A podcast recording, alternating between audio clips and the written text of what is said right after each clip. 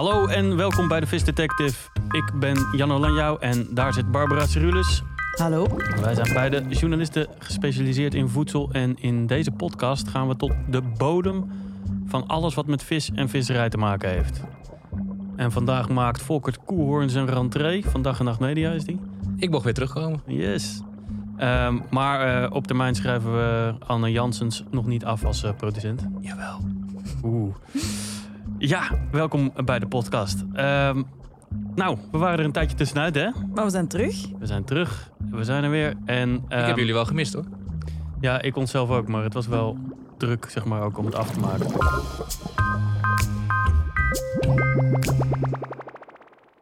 Vandaag gaan we het hebben over een hele vreemde vis, want het is geen vis. Het is namelijk een, eh, een weekdier. Vandaag gaan we het hebben over de mossel. Ja.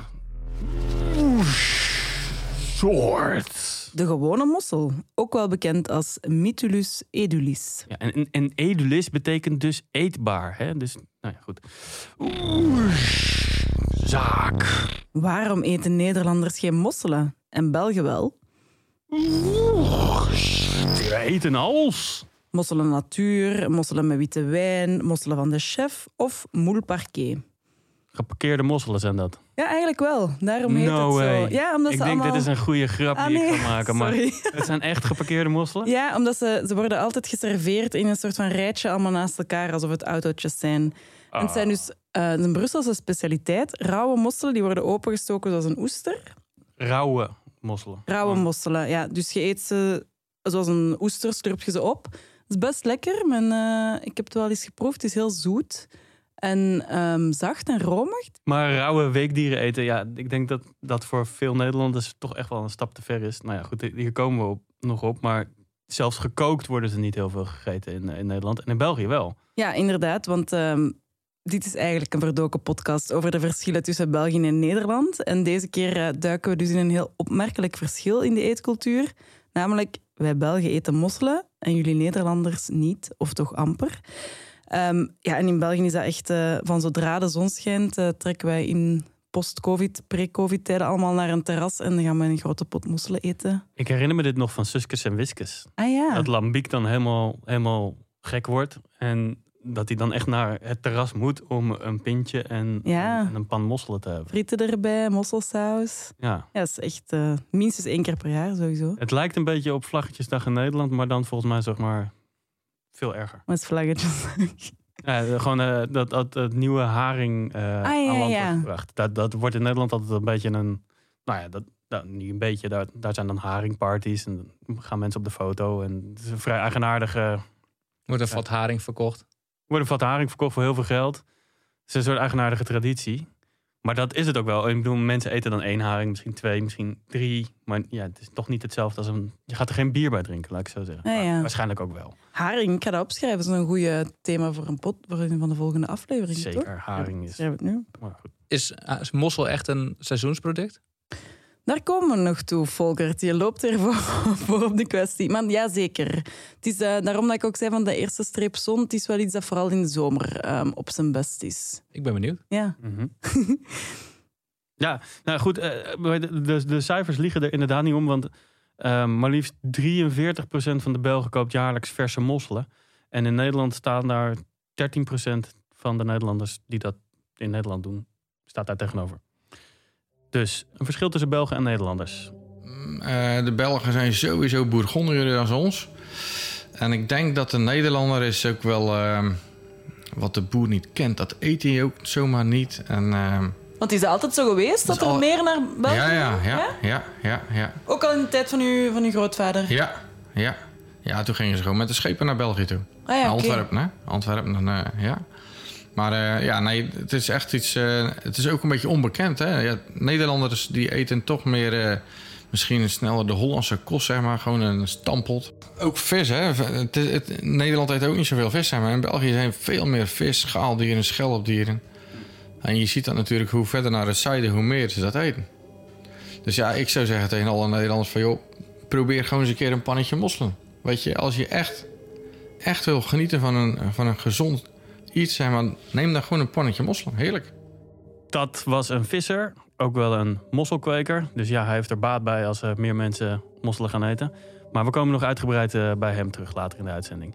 Eerst eventjes de vraag waar de mosselen die Belgen zo enthousiast maken nou vandaan komen. Want dat is dus uit Nederland en meer bepaald Ierseke. Ierseke in Zeeland, dat is dé hub voor mosselkweekverwerking en logistiek. Ja, dat is zot. Hè? Dus al die lekkere Zeeuwse mosselen, die worden allemaal naar België verscheept, terwijl jullie het harde werk doen. Ja. En ja, die zeeuwen die lopen natuurlijk ook wel op binnen, hè? Die Wat betekent dat, binnenlopen? Kastje. Cashje, ja, natuurlijk. ik bedoel, we doen het harde werk, maar we, ze, ik bedoel, ik, ik niet, maar zij doen het harde werk, maar ze verdienen daar natuurlijk ook aan. Ja, het zal iets te maken hebben met eh, Calvinisme en handelsgeest, denk ik. Maar ehm, waarom zouden Nederlanders meer mosselen moeten eten, Jano? Want we zitten mensen wel aan te moedigen om eh, een pan mosselen op het vuur te zetten, maar is dat wel zo'n goed idee? Ja, kijk, deze hele podcast is, wat mij betreft, eh, ik zou eigenlijk meer aandacht willen voor het eten uit de zee. Eh, zodat mensen ook betere keuzes kunnen maken. Want je hoort heel vaak dat het heel slecht gaat met allemaal zaken. Maar, maar met mosselen, met mosselen gaat het goed. Zelfs op de, de lijst van de Good Fish Foundation, de viswijzer, hè, staat echt met naam en toenaam mosselen als expliciet een heel goede keuze opgeschreven. En de, me- bij de meeste vissoorten is, is eh, dan een bestand of een me- vismethode goed. Eh, en een andere eh, niet, of daar kan wel wat beters aan. Daar is weer wat op te plussen, te minnen, af te dingen. Maar bij mosselen staan ze eigenlijk allemaal in het groen. Dus dat gaat heel goed. Dus ik, ik wilde ook eventjes bellen met... Dat, stemt mij wel gerust. Want de vorige aflevering ging het over de rode mul. Toen Ja. zei ik, die ga ik gewoon eten. Ja. Allemaal boze reacties gekregen. Heb jij allemaal boze reacties Ja, dus we kunnen nu gewoon veilig mosselen eten. Ja. Mosselen staan echt op groen. Ja, Gelukkig. ja even bellen met eh Goodfish. Mout waar, goed vis. Hey Mout, met Janno, de visdetective. Hey, We zijn bezig met het onderzoeken van, eh, van mosselen. En nou zagen we op de lijst van, eh van Good Fish Foundation, de viswijzer... dat mosselen er eigenlijk heel goed voor staan. Eigenlijk beter dan bijna alle andere soorten. Hoe komt het dat mosselen zo'n goede keuze zijn? ja, eigenlijk zijn mosselen gewoon een ontzettend goede keus. Eh, omdat eh, allereerst natuurlijk is er geen sprake van eh, overbevissing. Want er is een hele goede regulering op mosselen. Daarnaast ehm, heb je geen CO2-afdruk. want eh, mosselen die voeren zichzelf. Dus je hoeft ze niet eh, met, met, met eh, schepen te gaan eh, voeren. Het is een heel zuiver product. Er, wordt, eh, er worden geen additieven toegevoegd, zoals antibiotica of chemicaliën. En eh, ja, de Nederlandse mosselsector is eigenlijk ook heel erg goed bezig. Want ehm, ze maken bijvoorbeeld gebruik van eh, MZI's. Dat zijn eh, mosselzaadinvanginstallaties. Waardoor je dus eigenlijk de larven opvangt, dus het zaad. Waardoor je niet bodemberoering krijgt. Want normaal moet je het zaad van de bodem schrapen. En eh, met, met die MZI's hoef je dat dus niet te doen. Dus eh, ja, mosselen zijn eigenlijk een supergoeie keus. Fijn, dat sowieso. Maar, ehm, want vroeger moesten ze dus dat mosselzaad van de bodem schrapen. En, en dat was slecht. Ja, precies. Want je krijgt natuurlijk dat, eh, dat je met allerlei machines de, de bodem helemaal kapot maakt. En het andere zeeleven. Daar is gewoon een andere methode voor uitgevonden. Inderdaad, met die MZI's, dat is echt een hele perfecte manier om eh, zo weinig mogelijk bodemberoering eh, te hebben. Hm. En dat is heel mooi. Is het nou een voorbeeld voor de rest van de visserijsector, de, de mosselsector? Ja, kijk, weet je, het lastige van vis is, het, het is zo divers. Het is, het is geen kip. De vissen, het, het zijn alles, allerlei soorten die weer op allerlei manieren bewegen. Mhm. Een makreel die zwemmen in scholen kan je ook hartstikke mooi eh, eigenlijk vangen met een net zonder dat je de bodem beroert. Maar een, eh, een school ligt bijvoorbeeld op de bodem van de zee. En ja, daar zul je dus over de bodem moeten slepen om, om ze te vangen. Dus Mhm. je, ja, je kan ze eigenlijk niet met elkaar vergelijken, Nee. de vissen. Nou, hartstikke duidelijk. Dankjewel. Oké, succes. Jo, tot snel. Joep. Doeg. Ja, nou ja, goed. Je hoort ook allemaal. eh, de, sector heeft dus ook dingen ge- gedaan. En, en dat is denk ik wel interessant om ook eventjes naar te kijken. Want ik vroeg al, eh, ja, eh, is de, de mosselsector nou een voorbeeld? Dat ligt ingewikkeld, want bij de ene soort kan dat wel, bij de andere niet. Maar ik denk wel dat de manier waarop de mosselsector met deze problematiek is omgegaan, misschien tot voorbeeld kan dienen. Maar goed, daar komen we allemaal op. Een ding wat dat, eh Mout nog niet had gezegd, maar wat dat we ook hadden gevonden in onze research, ehm, waarom dat mosselen wel een duurzame eiwitbron zijn, is ze zijn laag trofisch. En dat wil eigenlijk zeggen dat ze zelf ehm, vrij laag in de voedselketen staan. Dus ze eten zelf ehm, zeewier en, en Algjes en dat soort dingen, toch? ja, Ja. zeewier, algjes. Ja, Ja, ja, ja, so- sorry, mini, minuscule zeewiertjes. Die ze uit het water filteren. En ze hebben dus zelf geen, eh, geen nood aan... allee, ze eten zelf geen vissen. Dus daardoor zijn ze eigenlijk heel eh, duurzaam, omdat ze zo laag in de voedselketen staan. En dat heet laagtrofisch. Ja, want je hebt het trofische systeem. Ja, dat is dan ook weer zo'n biologische term. Maar dat is eigenlijk die piramide. Hè, dat eh, helemaal bovenaan staan roofvissen zoals eh, haaien en tonijn. En mossels staan helemaal onderaan. Die staan helemaal onderaan. En het is eigenlijk altijd duurzamer om lager in dat systeem te eten. Maar ik hoor jullie de hele tijd kletsen over kweek. Of jullie noemen het de tijd kweek. Maar mosselen komen toch gewoon uit de zee? Nou, dat is een zeer terecht punt, Volkert. Maar die mosselproductie is eigenlijk een soort eigenaardige mix van wildvangst en kweek. Dus ze krijgen vaak ook zo'n duurzaamheidskeurmerk, hè? Het, het beroemde MSC-keurmerk. En daar heb je ook eentje van voor kweekvis. Dat heet een ASC. En dat is eigenlijk het verschil tussen Marine Stewardship Council en Aquaculture Stewardship Council. Nou, een gaat dus over marine, wild en de ander aquacultuur. Maar mosselen zijn dus marine, dus dit gaat over wildvangst. Daar worden ze gerubriceerd. Alleen, ja, je moet ze echt ook opkweken. Eh, en dat is ook een hele tak van sport. En, en dat vond ik ook wel echt opvallend. Echt veel meer dan ik had verwacht. Maar het, het is ook echt een mix tussen visserij en gewoon agrarische productie. De mensen die mossels kweken, die hebben het ook echt over kweken. En ze pachten gronden. Ze zaaien, ze oogsten, ze maaien. Het zijn zeg maar boeren op zee. Dat is precies zoals zij het noemen, ja. En om daar eh, meer over te weten te komen, zijn Janno en ik gezellig samen deze keer Ja, naar eh, het Zeeuwse Ierseke. Ik zou gewoon Ierzeke zeggen, maar iedereen zegt Ierseke. eh, getrokken. En dat is echt het centrum voor de mosselkweek. Ehm, en vandaar vertrekken heel veel mosselen naar winkels en restaurants in België, maar ook eigenlijk de rest eh, van Europa. En ehm, er komen ook mosselen uit de rest van de wereld in eh Ierseke toe. En die worden daar ook weer verder eh, verhandeld en opgeslagen in de natte pakhuizen. Daar komen we nog op terug. Ja. Ehm, Natte pakhuizen. ja, Ja, dat is echt ehm, bijzonder. Maar daar, komen, daar hebben we nog echt een mooi, eh, mooi fragmentje over. En daar spraken we af met eh, Jos. Ja, die hebben jullie net al even gehoord, Jos Stekentee. Maar hij gaat zich hier even voorstellen. Nou, ik ben eh, Jos Tekentee, mosselkweker. Nou ja, we hebben een eh, familiebedrijf. Eh, mijn opa die is in, eh, in 1963 in de mosselen begonnen. En dat is van vader op zoon. En ik ben nu de derde generatie die werkzaam is binnen het bedrijf. Nou ja, de vierde generatie zit thuis. Die komt er weer aan.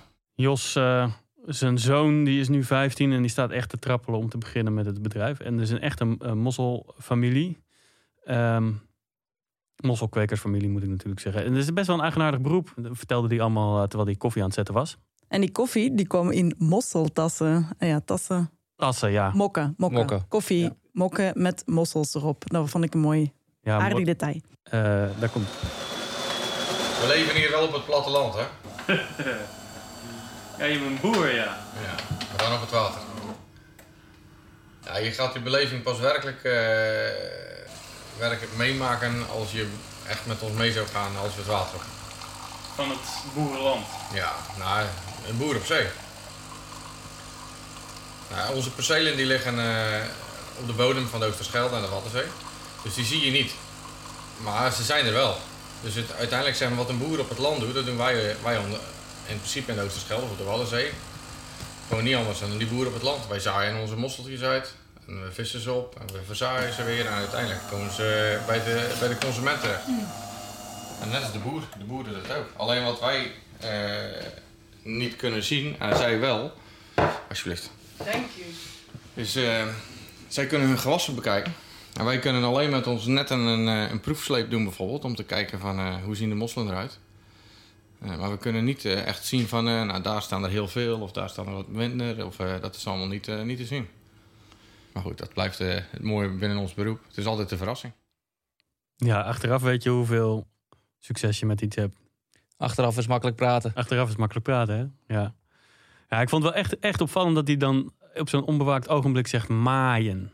Want dat is iets wat je er niet mee associeert. Maar ja, hij voelt zich dus echt ook een boer op zee. Ze kijken naar bodemgesteldheid, het percelen. eh, zijn bezig met een soort van ruilverkaveling. Hebben ze ook trekkers? Nou ja, wij zaten in de kajuit van zijn grote trekker, ja. Maar goed, dat is dan, eh, dat is natuurlijk, zij zien dat niet als een trekker, maar als een schip. Ja. Nou, daar zaten wij eh, in zijn kajuit. Heel gezellig. Maar ja, dus op het platteland, zo ziet hij dat. Ehm, maar goed, voor we nog uitgebreider met Jos gaan praten, want hij komt nog de hele uitzending terug eh, over de ins en outs van de mosselkweek, moet hij even het schip om gaan draaien. En dan hoor je hem via de marifoon heerlijk in onverstaanbaar dialect praten met een collega waar hij langs gemanoeuvreerd moet. Dennis, goedemorgen. Ah, heel goedemiddag. Ja, me geleerd dat het harder af komt. Ja, dat geeft niet. Kom maar deur. We gaan even deur de rond, dus. Kom gewoon eventjes. Ah, ja, mijn... eh nog een paar voor, eh, voor pompon aan de desk. Vooruit. Oh, kijk aan. Wajaat, yo. Maar dus eh, gingen we eerst op bezoek bij Wageningen Marine Research. Wat dat makkelijk genoeg ook in Zeeland kantoor houdt. Ze hebben daar een onderzoekscentrum aan zee. Goedendag. We hebben een afspraak met Jeroen Meesman. Ja. Ja. En heb je hem net gebeld of niet? Nee, nog niet. Ja. Oké, ik bel hem even. Oké, dankjewel. Dus toen gingen we langs bij Jeroen. Ik ben eh, Jeroen Wijsman, onderzoeker bij Wageningen Marine Research. En ik eh, werk hier in Ierseke. En Jeroen vertelt ons over hoe de zee in het voorjaar, dat is zo'n beetje rond deze tijd eigenlijk, een, eh, een soort gigantische cocktail van mosselzaad en mosseleitjes wordt. Een mossel is een schelpdier. Dus het is eigenlijk een, een soort slakje met, met twee schelpen om zich heen. En eh, het is ook wel heel erg leuk, want die, eh, die, planten zich ook voort. En dan, eh, je hebt, mm, ja, in principe zijn ze mannetje en vrouwtje beide. Hè, dus dat verandert een beetje gedurende de levenscyclus. Ehm, en ze, ze laten hun eieren en hun sperma vrij in het water. In het voorjaar gebeurt dat ongeveer. En in het water vindt dan de bevruchting plaats. Dus dan komt het, de sperma bij het eitje en dan heb je een heel klein larfje. Dus dat zweeft eigenlijk allemaal rond in de zee en dat komt elkaar tegen dan. Ja, dat wordt allemaal in het water losgelaten. En als je het in een bekerglas doet, dan ziet het er ook een beetje wit uit. Hè. Dat eh, is een leuk experiment om dat ook te doen. eh. Eh, maar dan vindt daar de bevruchting plaats. Eh, en dat, ja, het larfje dat, eh, zweeft dan een hele tijd door, door het water. Dat kan soms wel twee weken duren, afhankelijk van de watertemperatuur. Eh, en dan zakt het langzaam naar de bodem toe. En daar moeten ze zich ergens aan gaan hechten. En op dat moment zijn er, is er dus nog geen sprake van een schelpje. Het is dan echt nog gewoon een klein weekdiertje. Het is nog een heel klein weekdiertje en langzaam in, in de waterklomp gaat zich dan ook een, eh, dan gaat het, eh, het beestje gaat zich een beetje aanpassen en veranderen. En dan gaat dan langzaam gaat het schelpje ook al groeien. Dus dat zie je ook eh, onder de microscoop kan je dat schelpje ook al zien op Oké. duur. Maar dat wordt steeds groter eigenlijk. Heel veel slakken zijn dat ook. Die zijn mannelijk en vrouwelijk tegelijk. Of af, afwisselend kan het ook gebeuren. Oesters heeft dat bijvoorbeeld. Die zijn eerst mannelijk en daarna worden ze vrouwelijk. En, eh, en mosselen hebben dat eigenlijk tegelijkertijd. Ja. Oké, en dus één mossel kan zowel eitjes als Klopt, ja, zaad in de zee doen terechtkomen. Ja. En wat er eigenlijk gebeurt is eh, in het voorjaar, eh, rond, als het- de temperatuur van het water gaat toenemen, dan, dan gaat die voortplanting gaat beginnen. En dan rond eh, april, mei, dan zijn die larfjes zijn zo groot geworden, dan, dan zakken ze naar de grond en dan gaan ze ergens aan hechten. Dus, eh, aan, vaak is dat aan de zeebodem of aan andere schelpen. Ehm, nou, dat gebeurt in de natuur. Eh, vooral in de Waddenzee gebeurt dat. Ehm, en als die, die, die kleine, dat noemen ze eigenlijk mosselzaad. Dat zijn dan hele kleine, hele kleine schelpjes die op de bodem liggen. En als die groot genoeg gaan worden, dat is rond eh, ja, juli, eh, augustus, dan worden ze opgevist door eh, mosselvissers. En dan worden ze naar hun kweekpercelen toegebracht. En dan worden ze daarop weer opnieuw uitgezaaid. En daar liggen ze dan een, ja, een tweetal jaar ongeveer meestal. Soms is dat drie jaar. Totdat ze echt zo groot zijn dat ze opgegeten kunnen worden.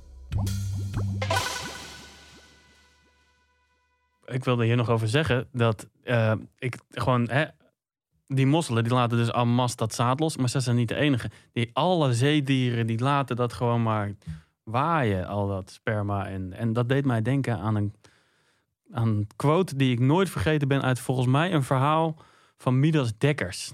Ken jij Midas Dekkers? Nee, die ken ik niet. Ken jij middelsdekkers? Ik ken die zeker. Ja, Over de bloemetjes en de bijtjes. Middelsdekkers is een soort hele funzige, maar wel leuke bioloog die in Nederland veel publiceert en verhalen vertelt via de media. Dus hij is een beroemde bioloog en hij heeft het altijd enorm over seks, waar het natuurlijk ook over gaat. En die zin, ik weet niet waarom, maar eh, die gaat als volgt.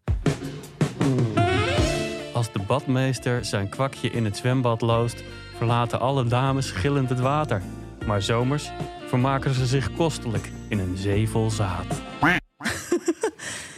Ja, maar daar komt het wel op Goed, neer, hè? En die heb ik altijd onthouden. Ja, wel typisch dat je juist deze quote onthoudt. Ik heb hem toen echt zes keer gelezen. Zo van, wow, een zaad. Maar Jeroen zei ook wel, van als je in de Oosterschelde een emmer in het water steekt en hem terug uithaalt, er sowieso, ik weet niet hoeveel mossellarfjes in zitten. Dus het is wel In de echt- lente.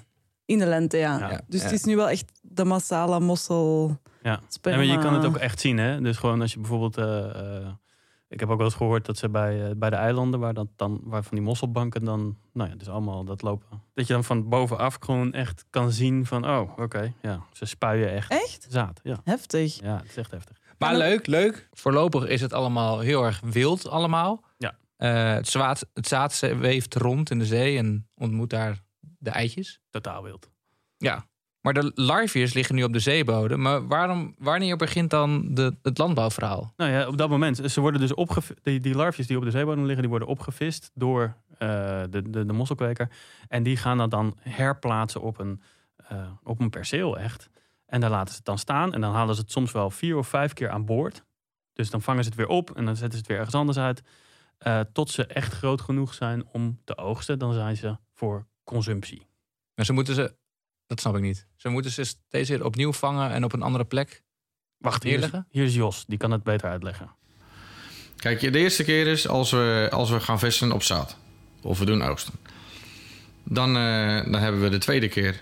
Dan vissen we ze op omdat we ze als halfwas gaan verzaaien. En dan hebben we de derde keer als eh, consumptie. Dat zou de snelste stap zijn. Maar wat gebeurt er nu? We hebben ook wel eens een keer zeesterren. En dat is een vijand van de mossel. Dus die eet ze op. Dus als we dat zien, dan gaan we die mosselen opvissen... en die brengen ze weer naar een ander perceel. Je hebt ook wel eens dat er te veel, slip onder komt. Dus dan, eh, dat is in de eerste stap, zeg maar, van, van zaad naar halfwas. Dan doen we ook nog wel eens een keer tussendoor opvissen. Want dan, is- dan kunnen we het rendement verhogen. Als we daar de tijd voor hebben, en, eh, dan proberen we het rendement zo hoog mogelijk te krijgen. Dus dan doe je ze wel eens een keer tussentijds opvissen. Dus dan heb je al vijf. En hoe weet je bijvoorbeeld dat er zeesterren zijn? Ja, kijk hem. Netje, Ja? netje laten zakken en Ah, ophouden. ja, oké. ja, ja, En als je dan ziet, er zitten er veel in, dan Ja. moet je even actie Ja. ondernemen. ja, ja. Ja, dus we zijn eigenlijk constant bezig om te kijken van die mosselen op die percelen. Gaat het daar wel goed mee? Is dan, zijn ze goed aan het groeien? En als dat niet zo is, dan verleggen ze ze naar een, een plekje waar het beter is eigenlijk. Hè? Ja, wederom echt heel agrarische termen. Hè? Rendement verhogen. Dat is, ja, het is gewoon... Waar dat wij dus ook wel, allee, Victor in elk geval van verbaasd was, dus dat er zoveel zeesterren zijn in de Oosterschelde, wist ik allemaal niet.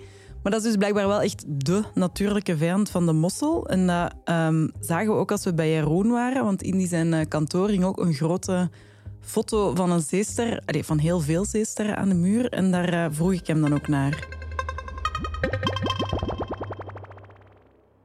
Wat doet zo'n zeester met een mossel? Nou, dat is heel erg mooi, want die, eh, met zijn armen grijpt hij rond zo'n mossel. En die, met zijn zuignapjes trekt hij aan die schelp. Eh, ja, die mossel die kan dan wel eventjes die schelp dicht houden. Maar op den duur verliest hij het van die, eh, van die mossel. En als er maar een klein gaatje in komt, dan, eh, dan duwt die zeester zijn maag in de, in de schelp. En dan, eh, dan eet hij hem op, zeg maar. Ja. Dus die heeft een soort van mond aan zijn maag waar hij mee kan eten. Klopt, je hebt een uitstulpbare maag hè, die, naar, die naar buiten kan gaan. En die gaat dus in die schelp en dan eet hij die, eh, eet hij die mossel op. Amai. Er zijn heel veel zeesterren, ook omdat er heel veel schelpdieren zitten natuurlijk. Ja. En, eh, ja, soms kunnen ze als een soort eh, ja, een kolonie, net als met sprinkhanen zeg maar, kunnen ze over zo'n zo'n mosselbank heen gaan. En dan kunnen ze echt heel veel schade aanbrengen. Ik leer hier zoveel. Ja. Zo chill. Dat die zeesterren gewoon, die hebben best wel een soort leuk, lievig karakter. Maar dat het gewoon een soort Monsters zijn. freak met een uitstulpbare maag. Ik bedoel, Inderdaad, eigenlijk echt een, eh, een heel aaibaar karakter, maar dat is eigenlijk helemaal niet waar. Ja. nee. hey, maar eh, even nog over dat opvissen van mosselzaad. Ehm, ja, we, hadden het er al eerder over, ook met Mout van Good Fish. Eh, je kan dat op verschillende manieren doen. Ehm, de oude methode is dus gewoon dat je weet waar van dat mosselzaad ligt. Dus bevruchte mini baby mosseltjes. Nou. En die schraap je dan van de bodem met je netje. Maar bij dat schrapen ga je dus met je net over de bodem en haal je de hele boel overhoop. En dat is een methode waar milieubewegingen en NGO's niet zo over te spreken waren. En ehm, nou, Jeroen zegt daar wat over, want dat vissen heeft gewoon een impact. Nou, schelp, natuurlijke schelpbanken eh, die hebben gewoon een, eh, een belangrijke natuurfunctie. Hè, want er zijn eh, organismen die daarop op leven. Die zitten tussen en rond die mosselen. Het trekt vis aan en allerlei kreeftachtig die daar gaan zitten. Ehm, als een mosselkweker die mosselzaadbank wegvist, nou, dan is die weg. En dan, ja, dan ligt die, liggen die mosselen op zijn perceel. Hmm. Dus dan heeft het ook een ja, mindere natuurfunctie ook voor, voor die andere, andere organismen. Eh, en dan verdwijnt eigenlijk die natuurfunctie naar zijn perceel. Hè, want daar, daar liggen die mosselen. Dus daar liggen ook die, eh, die andere organismen die daar eh, ja, van leven en ertussen leven. Dus ja, die NGO's die daar dus tegen waren, tegen de opvissen van mosselzaad en de mosselkwekers, die hebben eigenlijk ja, toch wel jarenlang in clinch gelegen met elkaar. En die oneenigheid was wel zo groot dat die dat ook wel... they took it to court. Die hebben dat uitgevochten in de rechtbank. En de NGO's gingen dan de vergunningen aanvechten die de mosselkwekers het recht gaven om mosselzaad op te vissen. Die vergunningen werden uitgevaardigd door het ministerie van Landbouw en Visserij. Dus dat was eigenlijk een heel kluwen van belangen en conflicten, ehm, waar dat op een bepaald moment de mosselvissers ook wel genoeg van hadden. Ehm, en toen zijn ze eigenlijk samen op zoek gegaan naar een, een oplossing. En die oplossing, dat waren de mosselzaadinvanginstallaties. Ja. Vind ik echt een tongtwister. De mosselzaadinvanginstallaties. Oftewel, en dat zullen we misschien bezigen vanaf nu, de MZI's. Ja, MZI's. En we laten Jeroen even uitleggen hoe dat, dat precies zit. En wat je dan eigenlijk doet, is substraat, een touwtje of een net, dat hang je in het water in het voorjaar. En die larfjes van die, van die mosselen, die vallen dan op dat, eh, dat net of die touwen. En die groeien ze dan een beetje uit. Nou, daar kan je al die, eh, die, die, eh, dat mosselzaad van afoogsten. En dat kan je dan terug naar je perceel toe brengen. Nee, ja, eh, het zijn dus een soort touwen die gewoon vrij in, in de zee rondhangen. En die, die, die babymosseltjes die hechten zich daaraan. Dat is eigenlijk waar het op neerkomt. Dus Ja. in die zin lijkt installatie misschien een beetje een groot woord. Maar nou ja, het, Dus gewoon houd je touwtje. Het is helemaal houtje touwtje, precies. maar het is wel veel eh, gedoe en werk om dat allemaal uit te stallen. En ook om ze eraf te halen. Dus Maar het klinkt ook wel beter voor de zeesterren. voor de zeesterren, Ook voor de zeesterren, die niet... die komen daar niet bij. Nee. Nee. Dus die hoeven niet verplaatst te worden, of de mosselen hoeven niet verplaatst te worden. Dus het... Nou, maar dit gaat meer over de baby's. Hè? Dus dit zijn dus deze zijn zo klein, die, die zijn volgens mij nog niet echt eh, prooi voor de, voor de zeesterren. Ah, Pas als ze later, als ze groot zijn en zich hechten echt op zo'n mosselbank, ja, dan, dan komen die zeesterren zo Dan is het uitkijken geblazen. Want dit gaat echt over de eerste fase. Hè? Want dus die kleine mosseltjes die op die mosselinvanginstallaties worden geoogst, die worden dan uiteindelijk wel ook terug weer op die percelen gelegd. Dus En dan komen de zeesterren. ja, dus Ja. het gaat eigenlijk over die eerste fase van het wild opvissen versus het oogsten van die touwen. Maar het- daarvoor was er dus een, een situatie waarin mosselvissers gewoon vrije vangst hadden. Die konden overal, waar ze maar wilden, konden ze gewoon zeggen van, ah, hier zit vast wel mosselzaad. En dan hup, netje uitgooien, over de bodem. En ja, dat leidde dus tot problemen. Eh, maar ja, voor, vanuit het perspectief van die vissers is het ook weer een hele overgang als je in één keer met enorme installaties moet gaan werken. En wat wel opvallend was, was dat Jos, de visser die wij spraken, die is eigenlijk op dat moment, eh, begin jaren 2000, toch wel echt helemaal overgestapt naar de MZI's. Tuurlijk veranderd. Toen, eh, toen ik nog... de, wanneer ben ik aan boord gekomen? In 1995. Ja, toen was alles anders dan nu. Overal, sowieso. Kijk, en eh 15 jaar terug was ook alles anders. Maar wij gaan mee met de tijd. Als de dingen veranderen, dan, eh, dan, dan zie je zeg maar, dat, je, dat het beste is dat je mee verandert. Van ja, stilstand is, stilstand achteruitgang. Dus als de dingen veranderen, en er zijn heel veel dingen veranderd bij ons, eh, zeker eh, in de Waddenzee. De, de vrije visserij, zeg maar, die, eh, die aan banden gelegd. En eh, daarvoor in de plaats zeg maar, is, eh, zijn de gebieden gesloten. Zijn we over moeten stappen op eh mosselzaad invanginstallaties. En kijk, 12, 13, 14 jaar terug dachten we allemaal van... ja, hoe moet dit ooit van zijn leven klaarkomen? Allemaal handwerk niet te doen. Maar als ik er nu op terugkijk, en wij zijn met ons bedrijf zeg maar, ook in de, ja, de beginjaren gelijk ingestapt. In die alternatieve manier van, eh, van zaadinvang. En ehm, nou ja, dan zeg ik nu toch van het, eh, dat is op zich wel goed geweest. Om dat van begin af aan mee te gaan.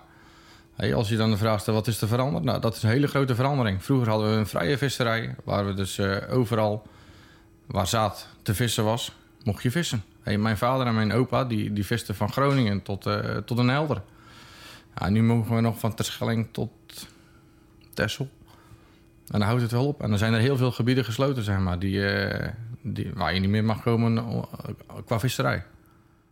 Ja, Jos die heeft het hier over de Waddenzee.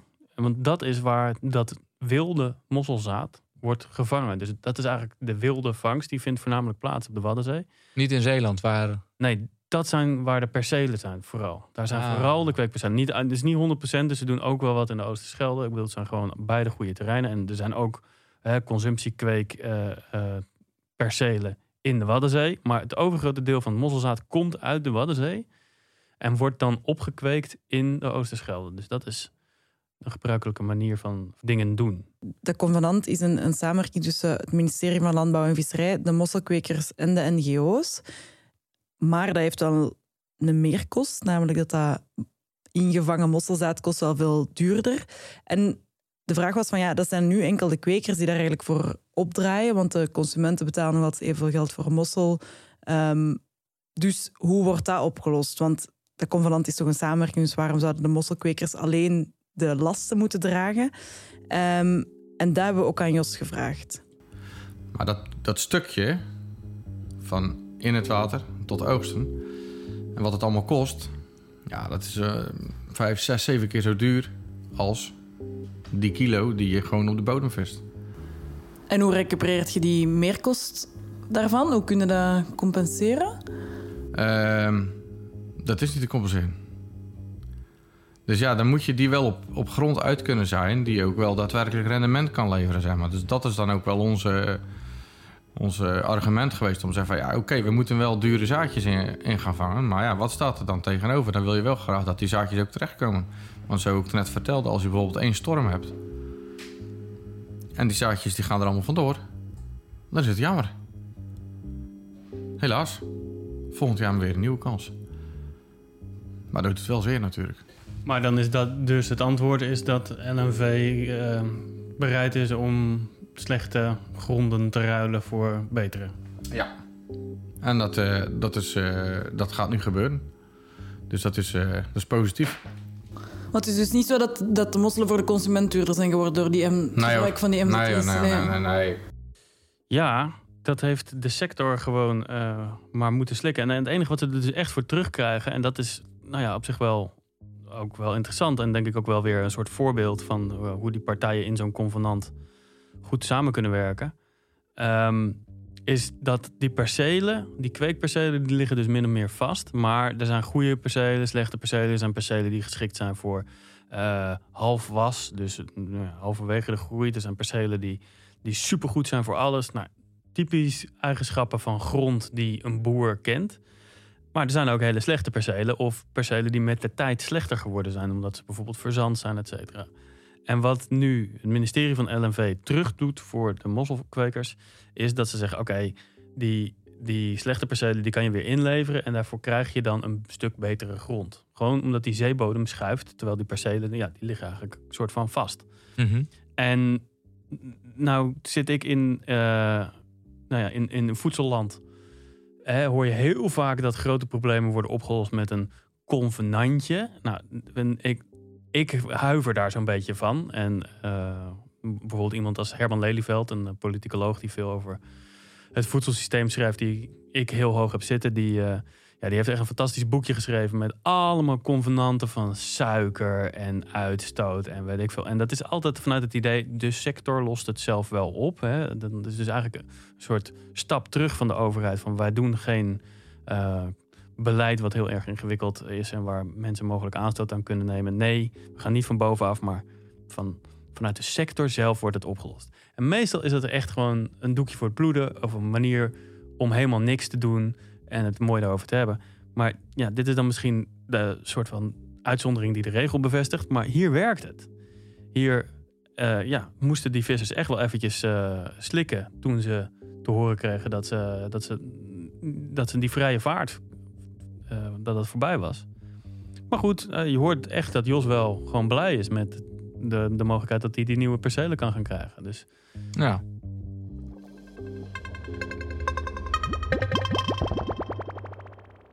En Jeroen stipt ook nog een ander voordeel aan eh, voor de vissers of voor de kwekers. Daar heeft Jos het zelf niet over gehad. Maar ehm, Jeroen zei dat dat wild opgevangen zaad, dat dat veel meer onderhevig was aan fluctuaties. Dus dat het ene jaar eh, kon een oogst, om het zo te zeggen, dan heel eh, overvloedig zijn, maar het volgend jaar kon je niks vinden. En dan had het twee jaar later eh, of drie jaar later geen mosselen op je bord. Dus dat dat ook wel ehm, veel voorspelbaarder is met die MZI's. Nou, tot op heden lijkt je succesvol. En dat heeft ook te maken met, ook, ook voor de kwekers heeft het natuurlijk heel veel voordelen. Hè? Want normaal, het vissen van mosselzaad in, in het wild, ja, het ene jaar lag er niks. Nou, dan kan je gaan vissen wat je wil, maar dan eh, heb je geen, gewoon geen mosselzaad. En dat betekent dat je twee jaar later ook geen, eh, geen mossels kan, eh, kan leveren. Dus er zit veel meer variatie in de, in de natuurlijke val van, die, van, van het mosselzaad op de bodem. Die MZI's, die hebben iedere, dat is veel voorspelbaarder. Dus ieder jaar is dat evenveel. Als je zoveel substraat uithangt, dan weet je eigenlijk van tevoren, ik ga zoveel mosselzaad hebben. Dus de mosselkwekers hebben nu ja, voor, de, voor de helft al een hele eh, ja, continue aanvoer van, eh, van mosselzaad. Die andere helft wordt nog opgevist. Ja, en dat is maar de vraag of ze kunnen vissen of niet. Of dat er mosselzaad is gevallen, of dat er mossel, geen mosselzaad is gevallen. En als er heel veel mosselzaad is gevallen, dan, eh, ja, dan kunnen ze het weer niet kwijt op, de, op hun percelen. Dus eh, de situatie op dit moment is gewoon een, eh, een goede situatie volgens mij. klinkt goed, hè? Ja, Ja, dit is ook waarom eh eh, Mout van Goodfish zei dat eh, de sector zo zijn best heeft gedaan. En dat het eigenlijk gewoon de goede kant op lijkt te gaan. Maar goed, het- we zijn er nog niet. Want ehm, de ambitie om in 2019 helemaal volledig van die bodemvisserijen, dus de oude manier, af te zijn, die werd niet gehaald. Dat bleek wat te ambitieus. En nou, die datum is dus opgeschoven naar 2029. Tien maar er wordt dus nu wel al de helft opgevist. Hè? 20 miljoen ton mosselzaad, zeg ik dat juist? 20 miljoen ton? 20 ton? 20 gram? Dit moet je nazoeken, want 20 miljoen ton klinkt... 20 miljoen zaad. 20 miljoen ton mosselzaad. zaad. Dat klinkt als een... eh, Beste hoeveelheid zaad. Ja, wacht, ik had het ergens opgeschreven. Ik ga dat even opzoeken, dan kan ik dat straks... eh, Ring je het belletje als je het hebt?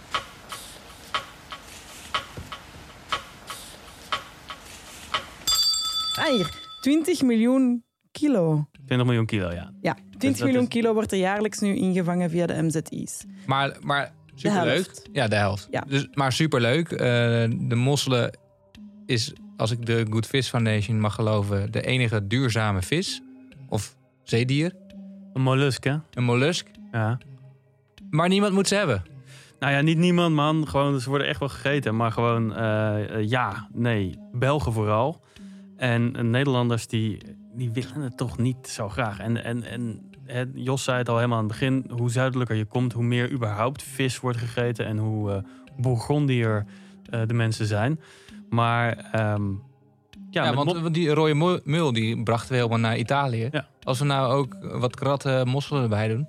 Ja, nee, maar dat gebeurt dus ook Hm. in grote hoeveelheden. Maar dat is eigenlijk zonde, want wij Nederlanders zouden... Nou, hou jij van mossel eigenlijk?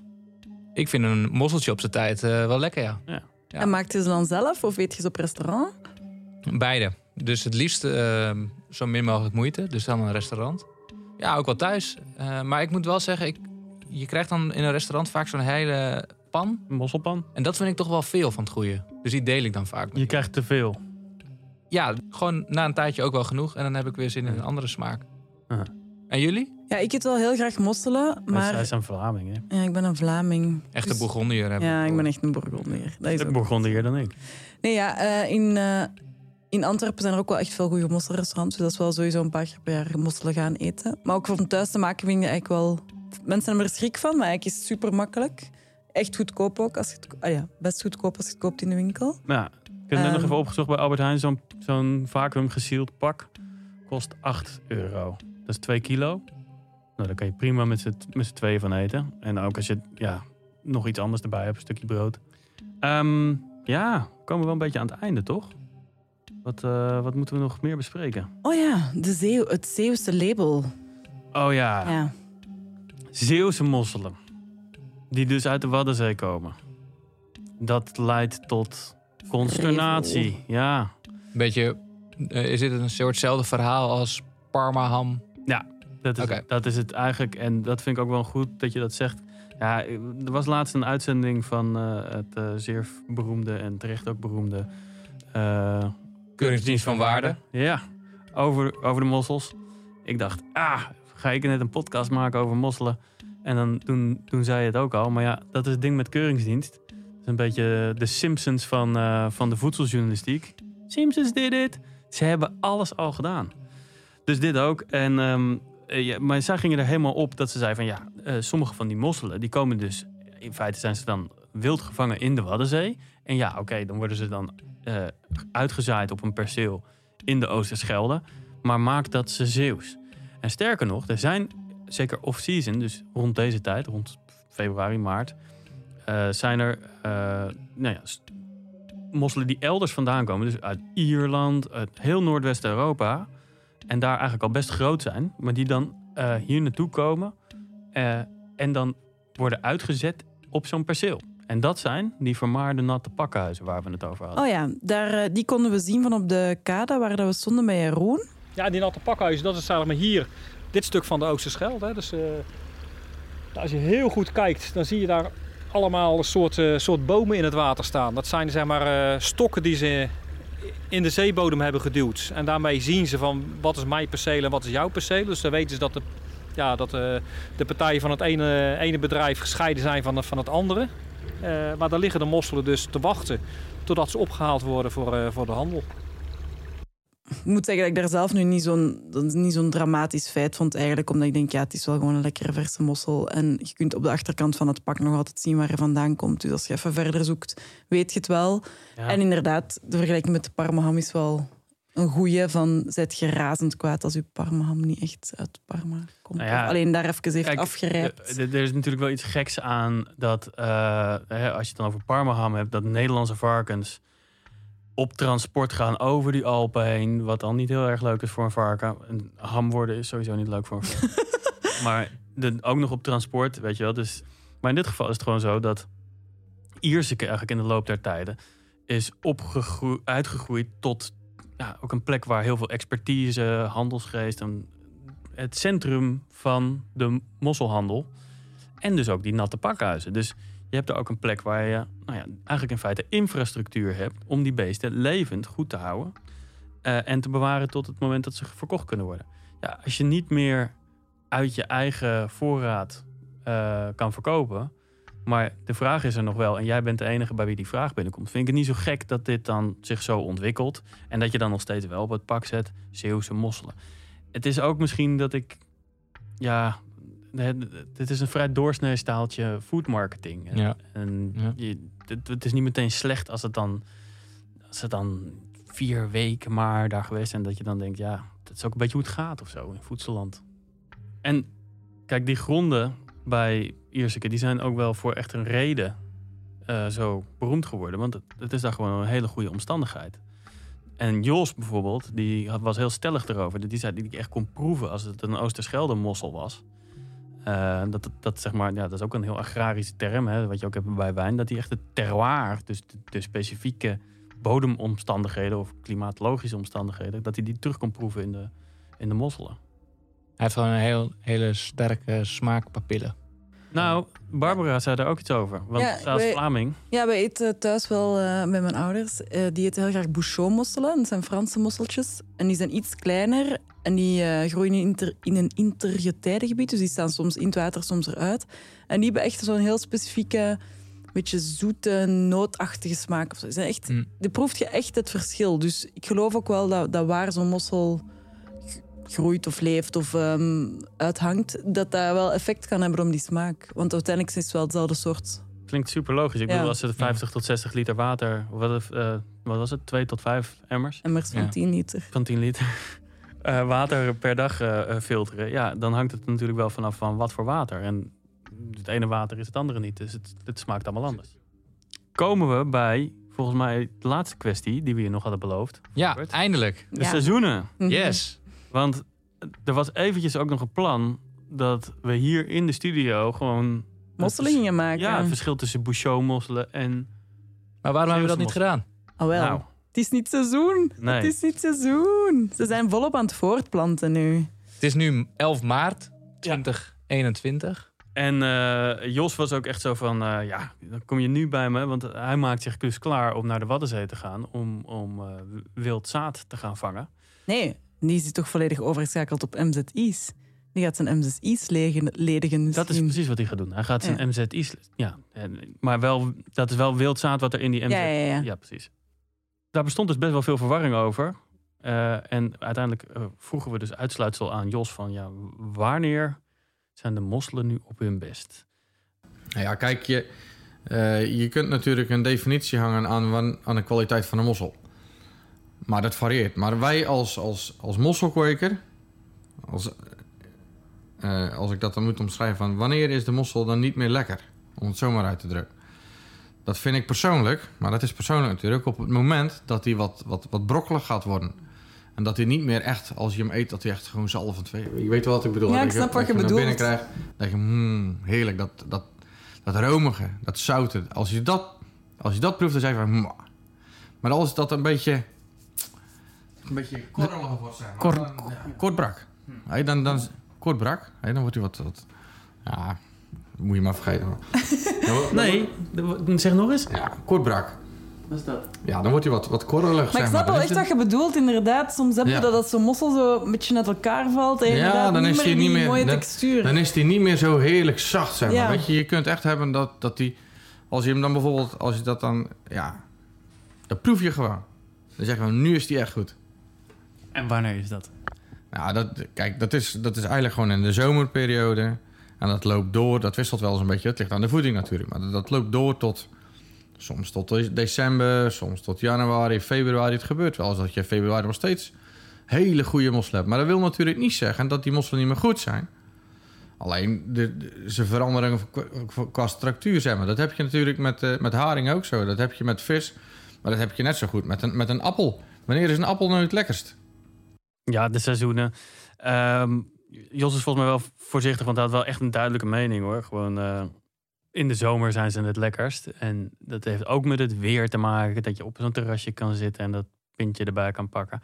Maar volgens mij is het eh, inderdaad als ze net groot genoeg zijn en sterk genoeg, maar nog niet eh, veel energie kwijt zijn. En ja, het ligt dus ook aan hoeveel eten er op dat moment in de natuur. Want daar komen ze vandaan. Hè? In de, ja, het is eigenlijk gewoon een nat- natuurproduct. De algjes en zo. Eh, wat, wat de mossel eet, dat eh, manifesteert zich als ja, vlees. En dat woord korbrak, ik vroeg hem, hoe, ik vroeg hem hoe schrijf je dat? En zei ja, eh, nou ja, volgens mij was het dan eh, K-O-R-B-R-A-K, dus korbrak. Maar hij was er zelf ook heel voorzichtig over en zei van ja, het zou kunnen zijn dat zelfs mosselkwekers dit woord niet kennen. dus het is volgens mij iets wat hij gewoon in zijn familie heeft uitgevonden. Dat vind ik wel echt heel mooi. Een soort bijvoeglijk naamwoord voor dat zo'n, ja, je, ken- ik ken dat inderdaad ook wel. zanderige mossel, zo'n beetje. Nou ja, dat, dat het vlees een beetje zo uit elkaar valt. Ja, Ja. niet meer stevig. Alsof, je hebt het ook wel eens als je ze te lang kookt. Ja. Tenminste, dat denk Hm. ik dan. Ja. ja. Ja, volgens mij was dit het wel. Volgens mij hebben we alles wel besproken wat wij hebben achterhaald over de mossel. Er is mij heel veel duidelijk geworden. Ja, dat hoop ik wel. En eh, ja, ik ben er wel positief over. Maar ja, goed, Nederlanders moeten dus echt meer m- mosselen gaan eten. Dat is gewoon goed voor alles. Gezellig, lekker, gezond en duurzaam. Hopla. Ja, Let's go. Let's go. Dit was eh, aflevering 4 van De Vis Detective. Eh, volgende keer gaan we het hebben over een eh, echte vis. Eindelijk. Een echte, echte vis. Een roofvis. Een van de vissigste vissen die er zijn. Tonijn. Tonijn. Mm. Die vindt Volkert ook wel lekker. Ja, Maar dat is wel problematisch. naar- Precies. Dreigmails kunnen, kunnen gestuurd worden. Nee, eh, dat komt allemaal eh, volgende keer. Eh, voor nu wil ik iedereen danken die aan deze aflevering heeft bijgedragen. Allereerst natuurlijk Dag en Nacht Media. Vooral Volkert hier zo. graag gedaan. Eh, Good Fish Foundation en het Mosselbureau hebben ons geholpen. Natuurlijk de gasten Jos Steek Thee en, eh Jeroen Wijsman. en Jeroen Wijsman. En eh, jou, Barbara, wil ik ook bedanken. Ik jou ook, Janno. Tune volgende keer weer in bij de Vis Detective. Tot ziens. Tot snel. Doei doei!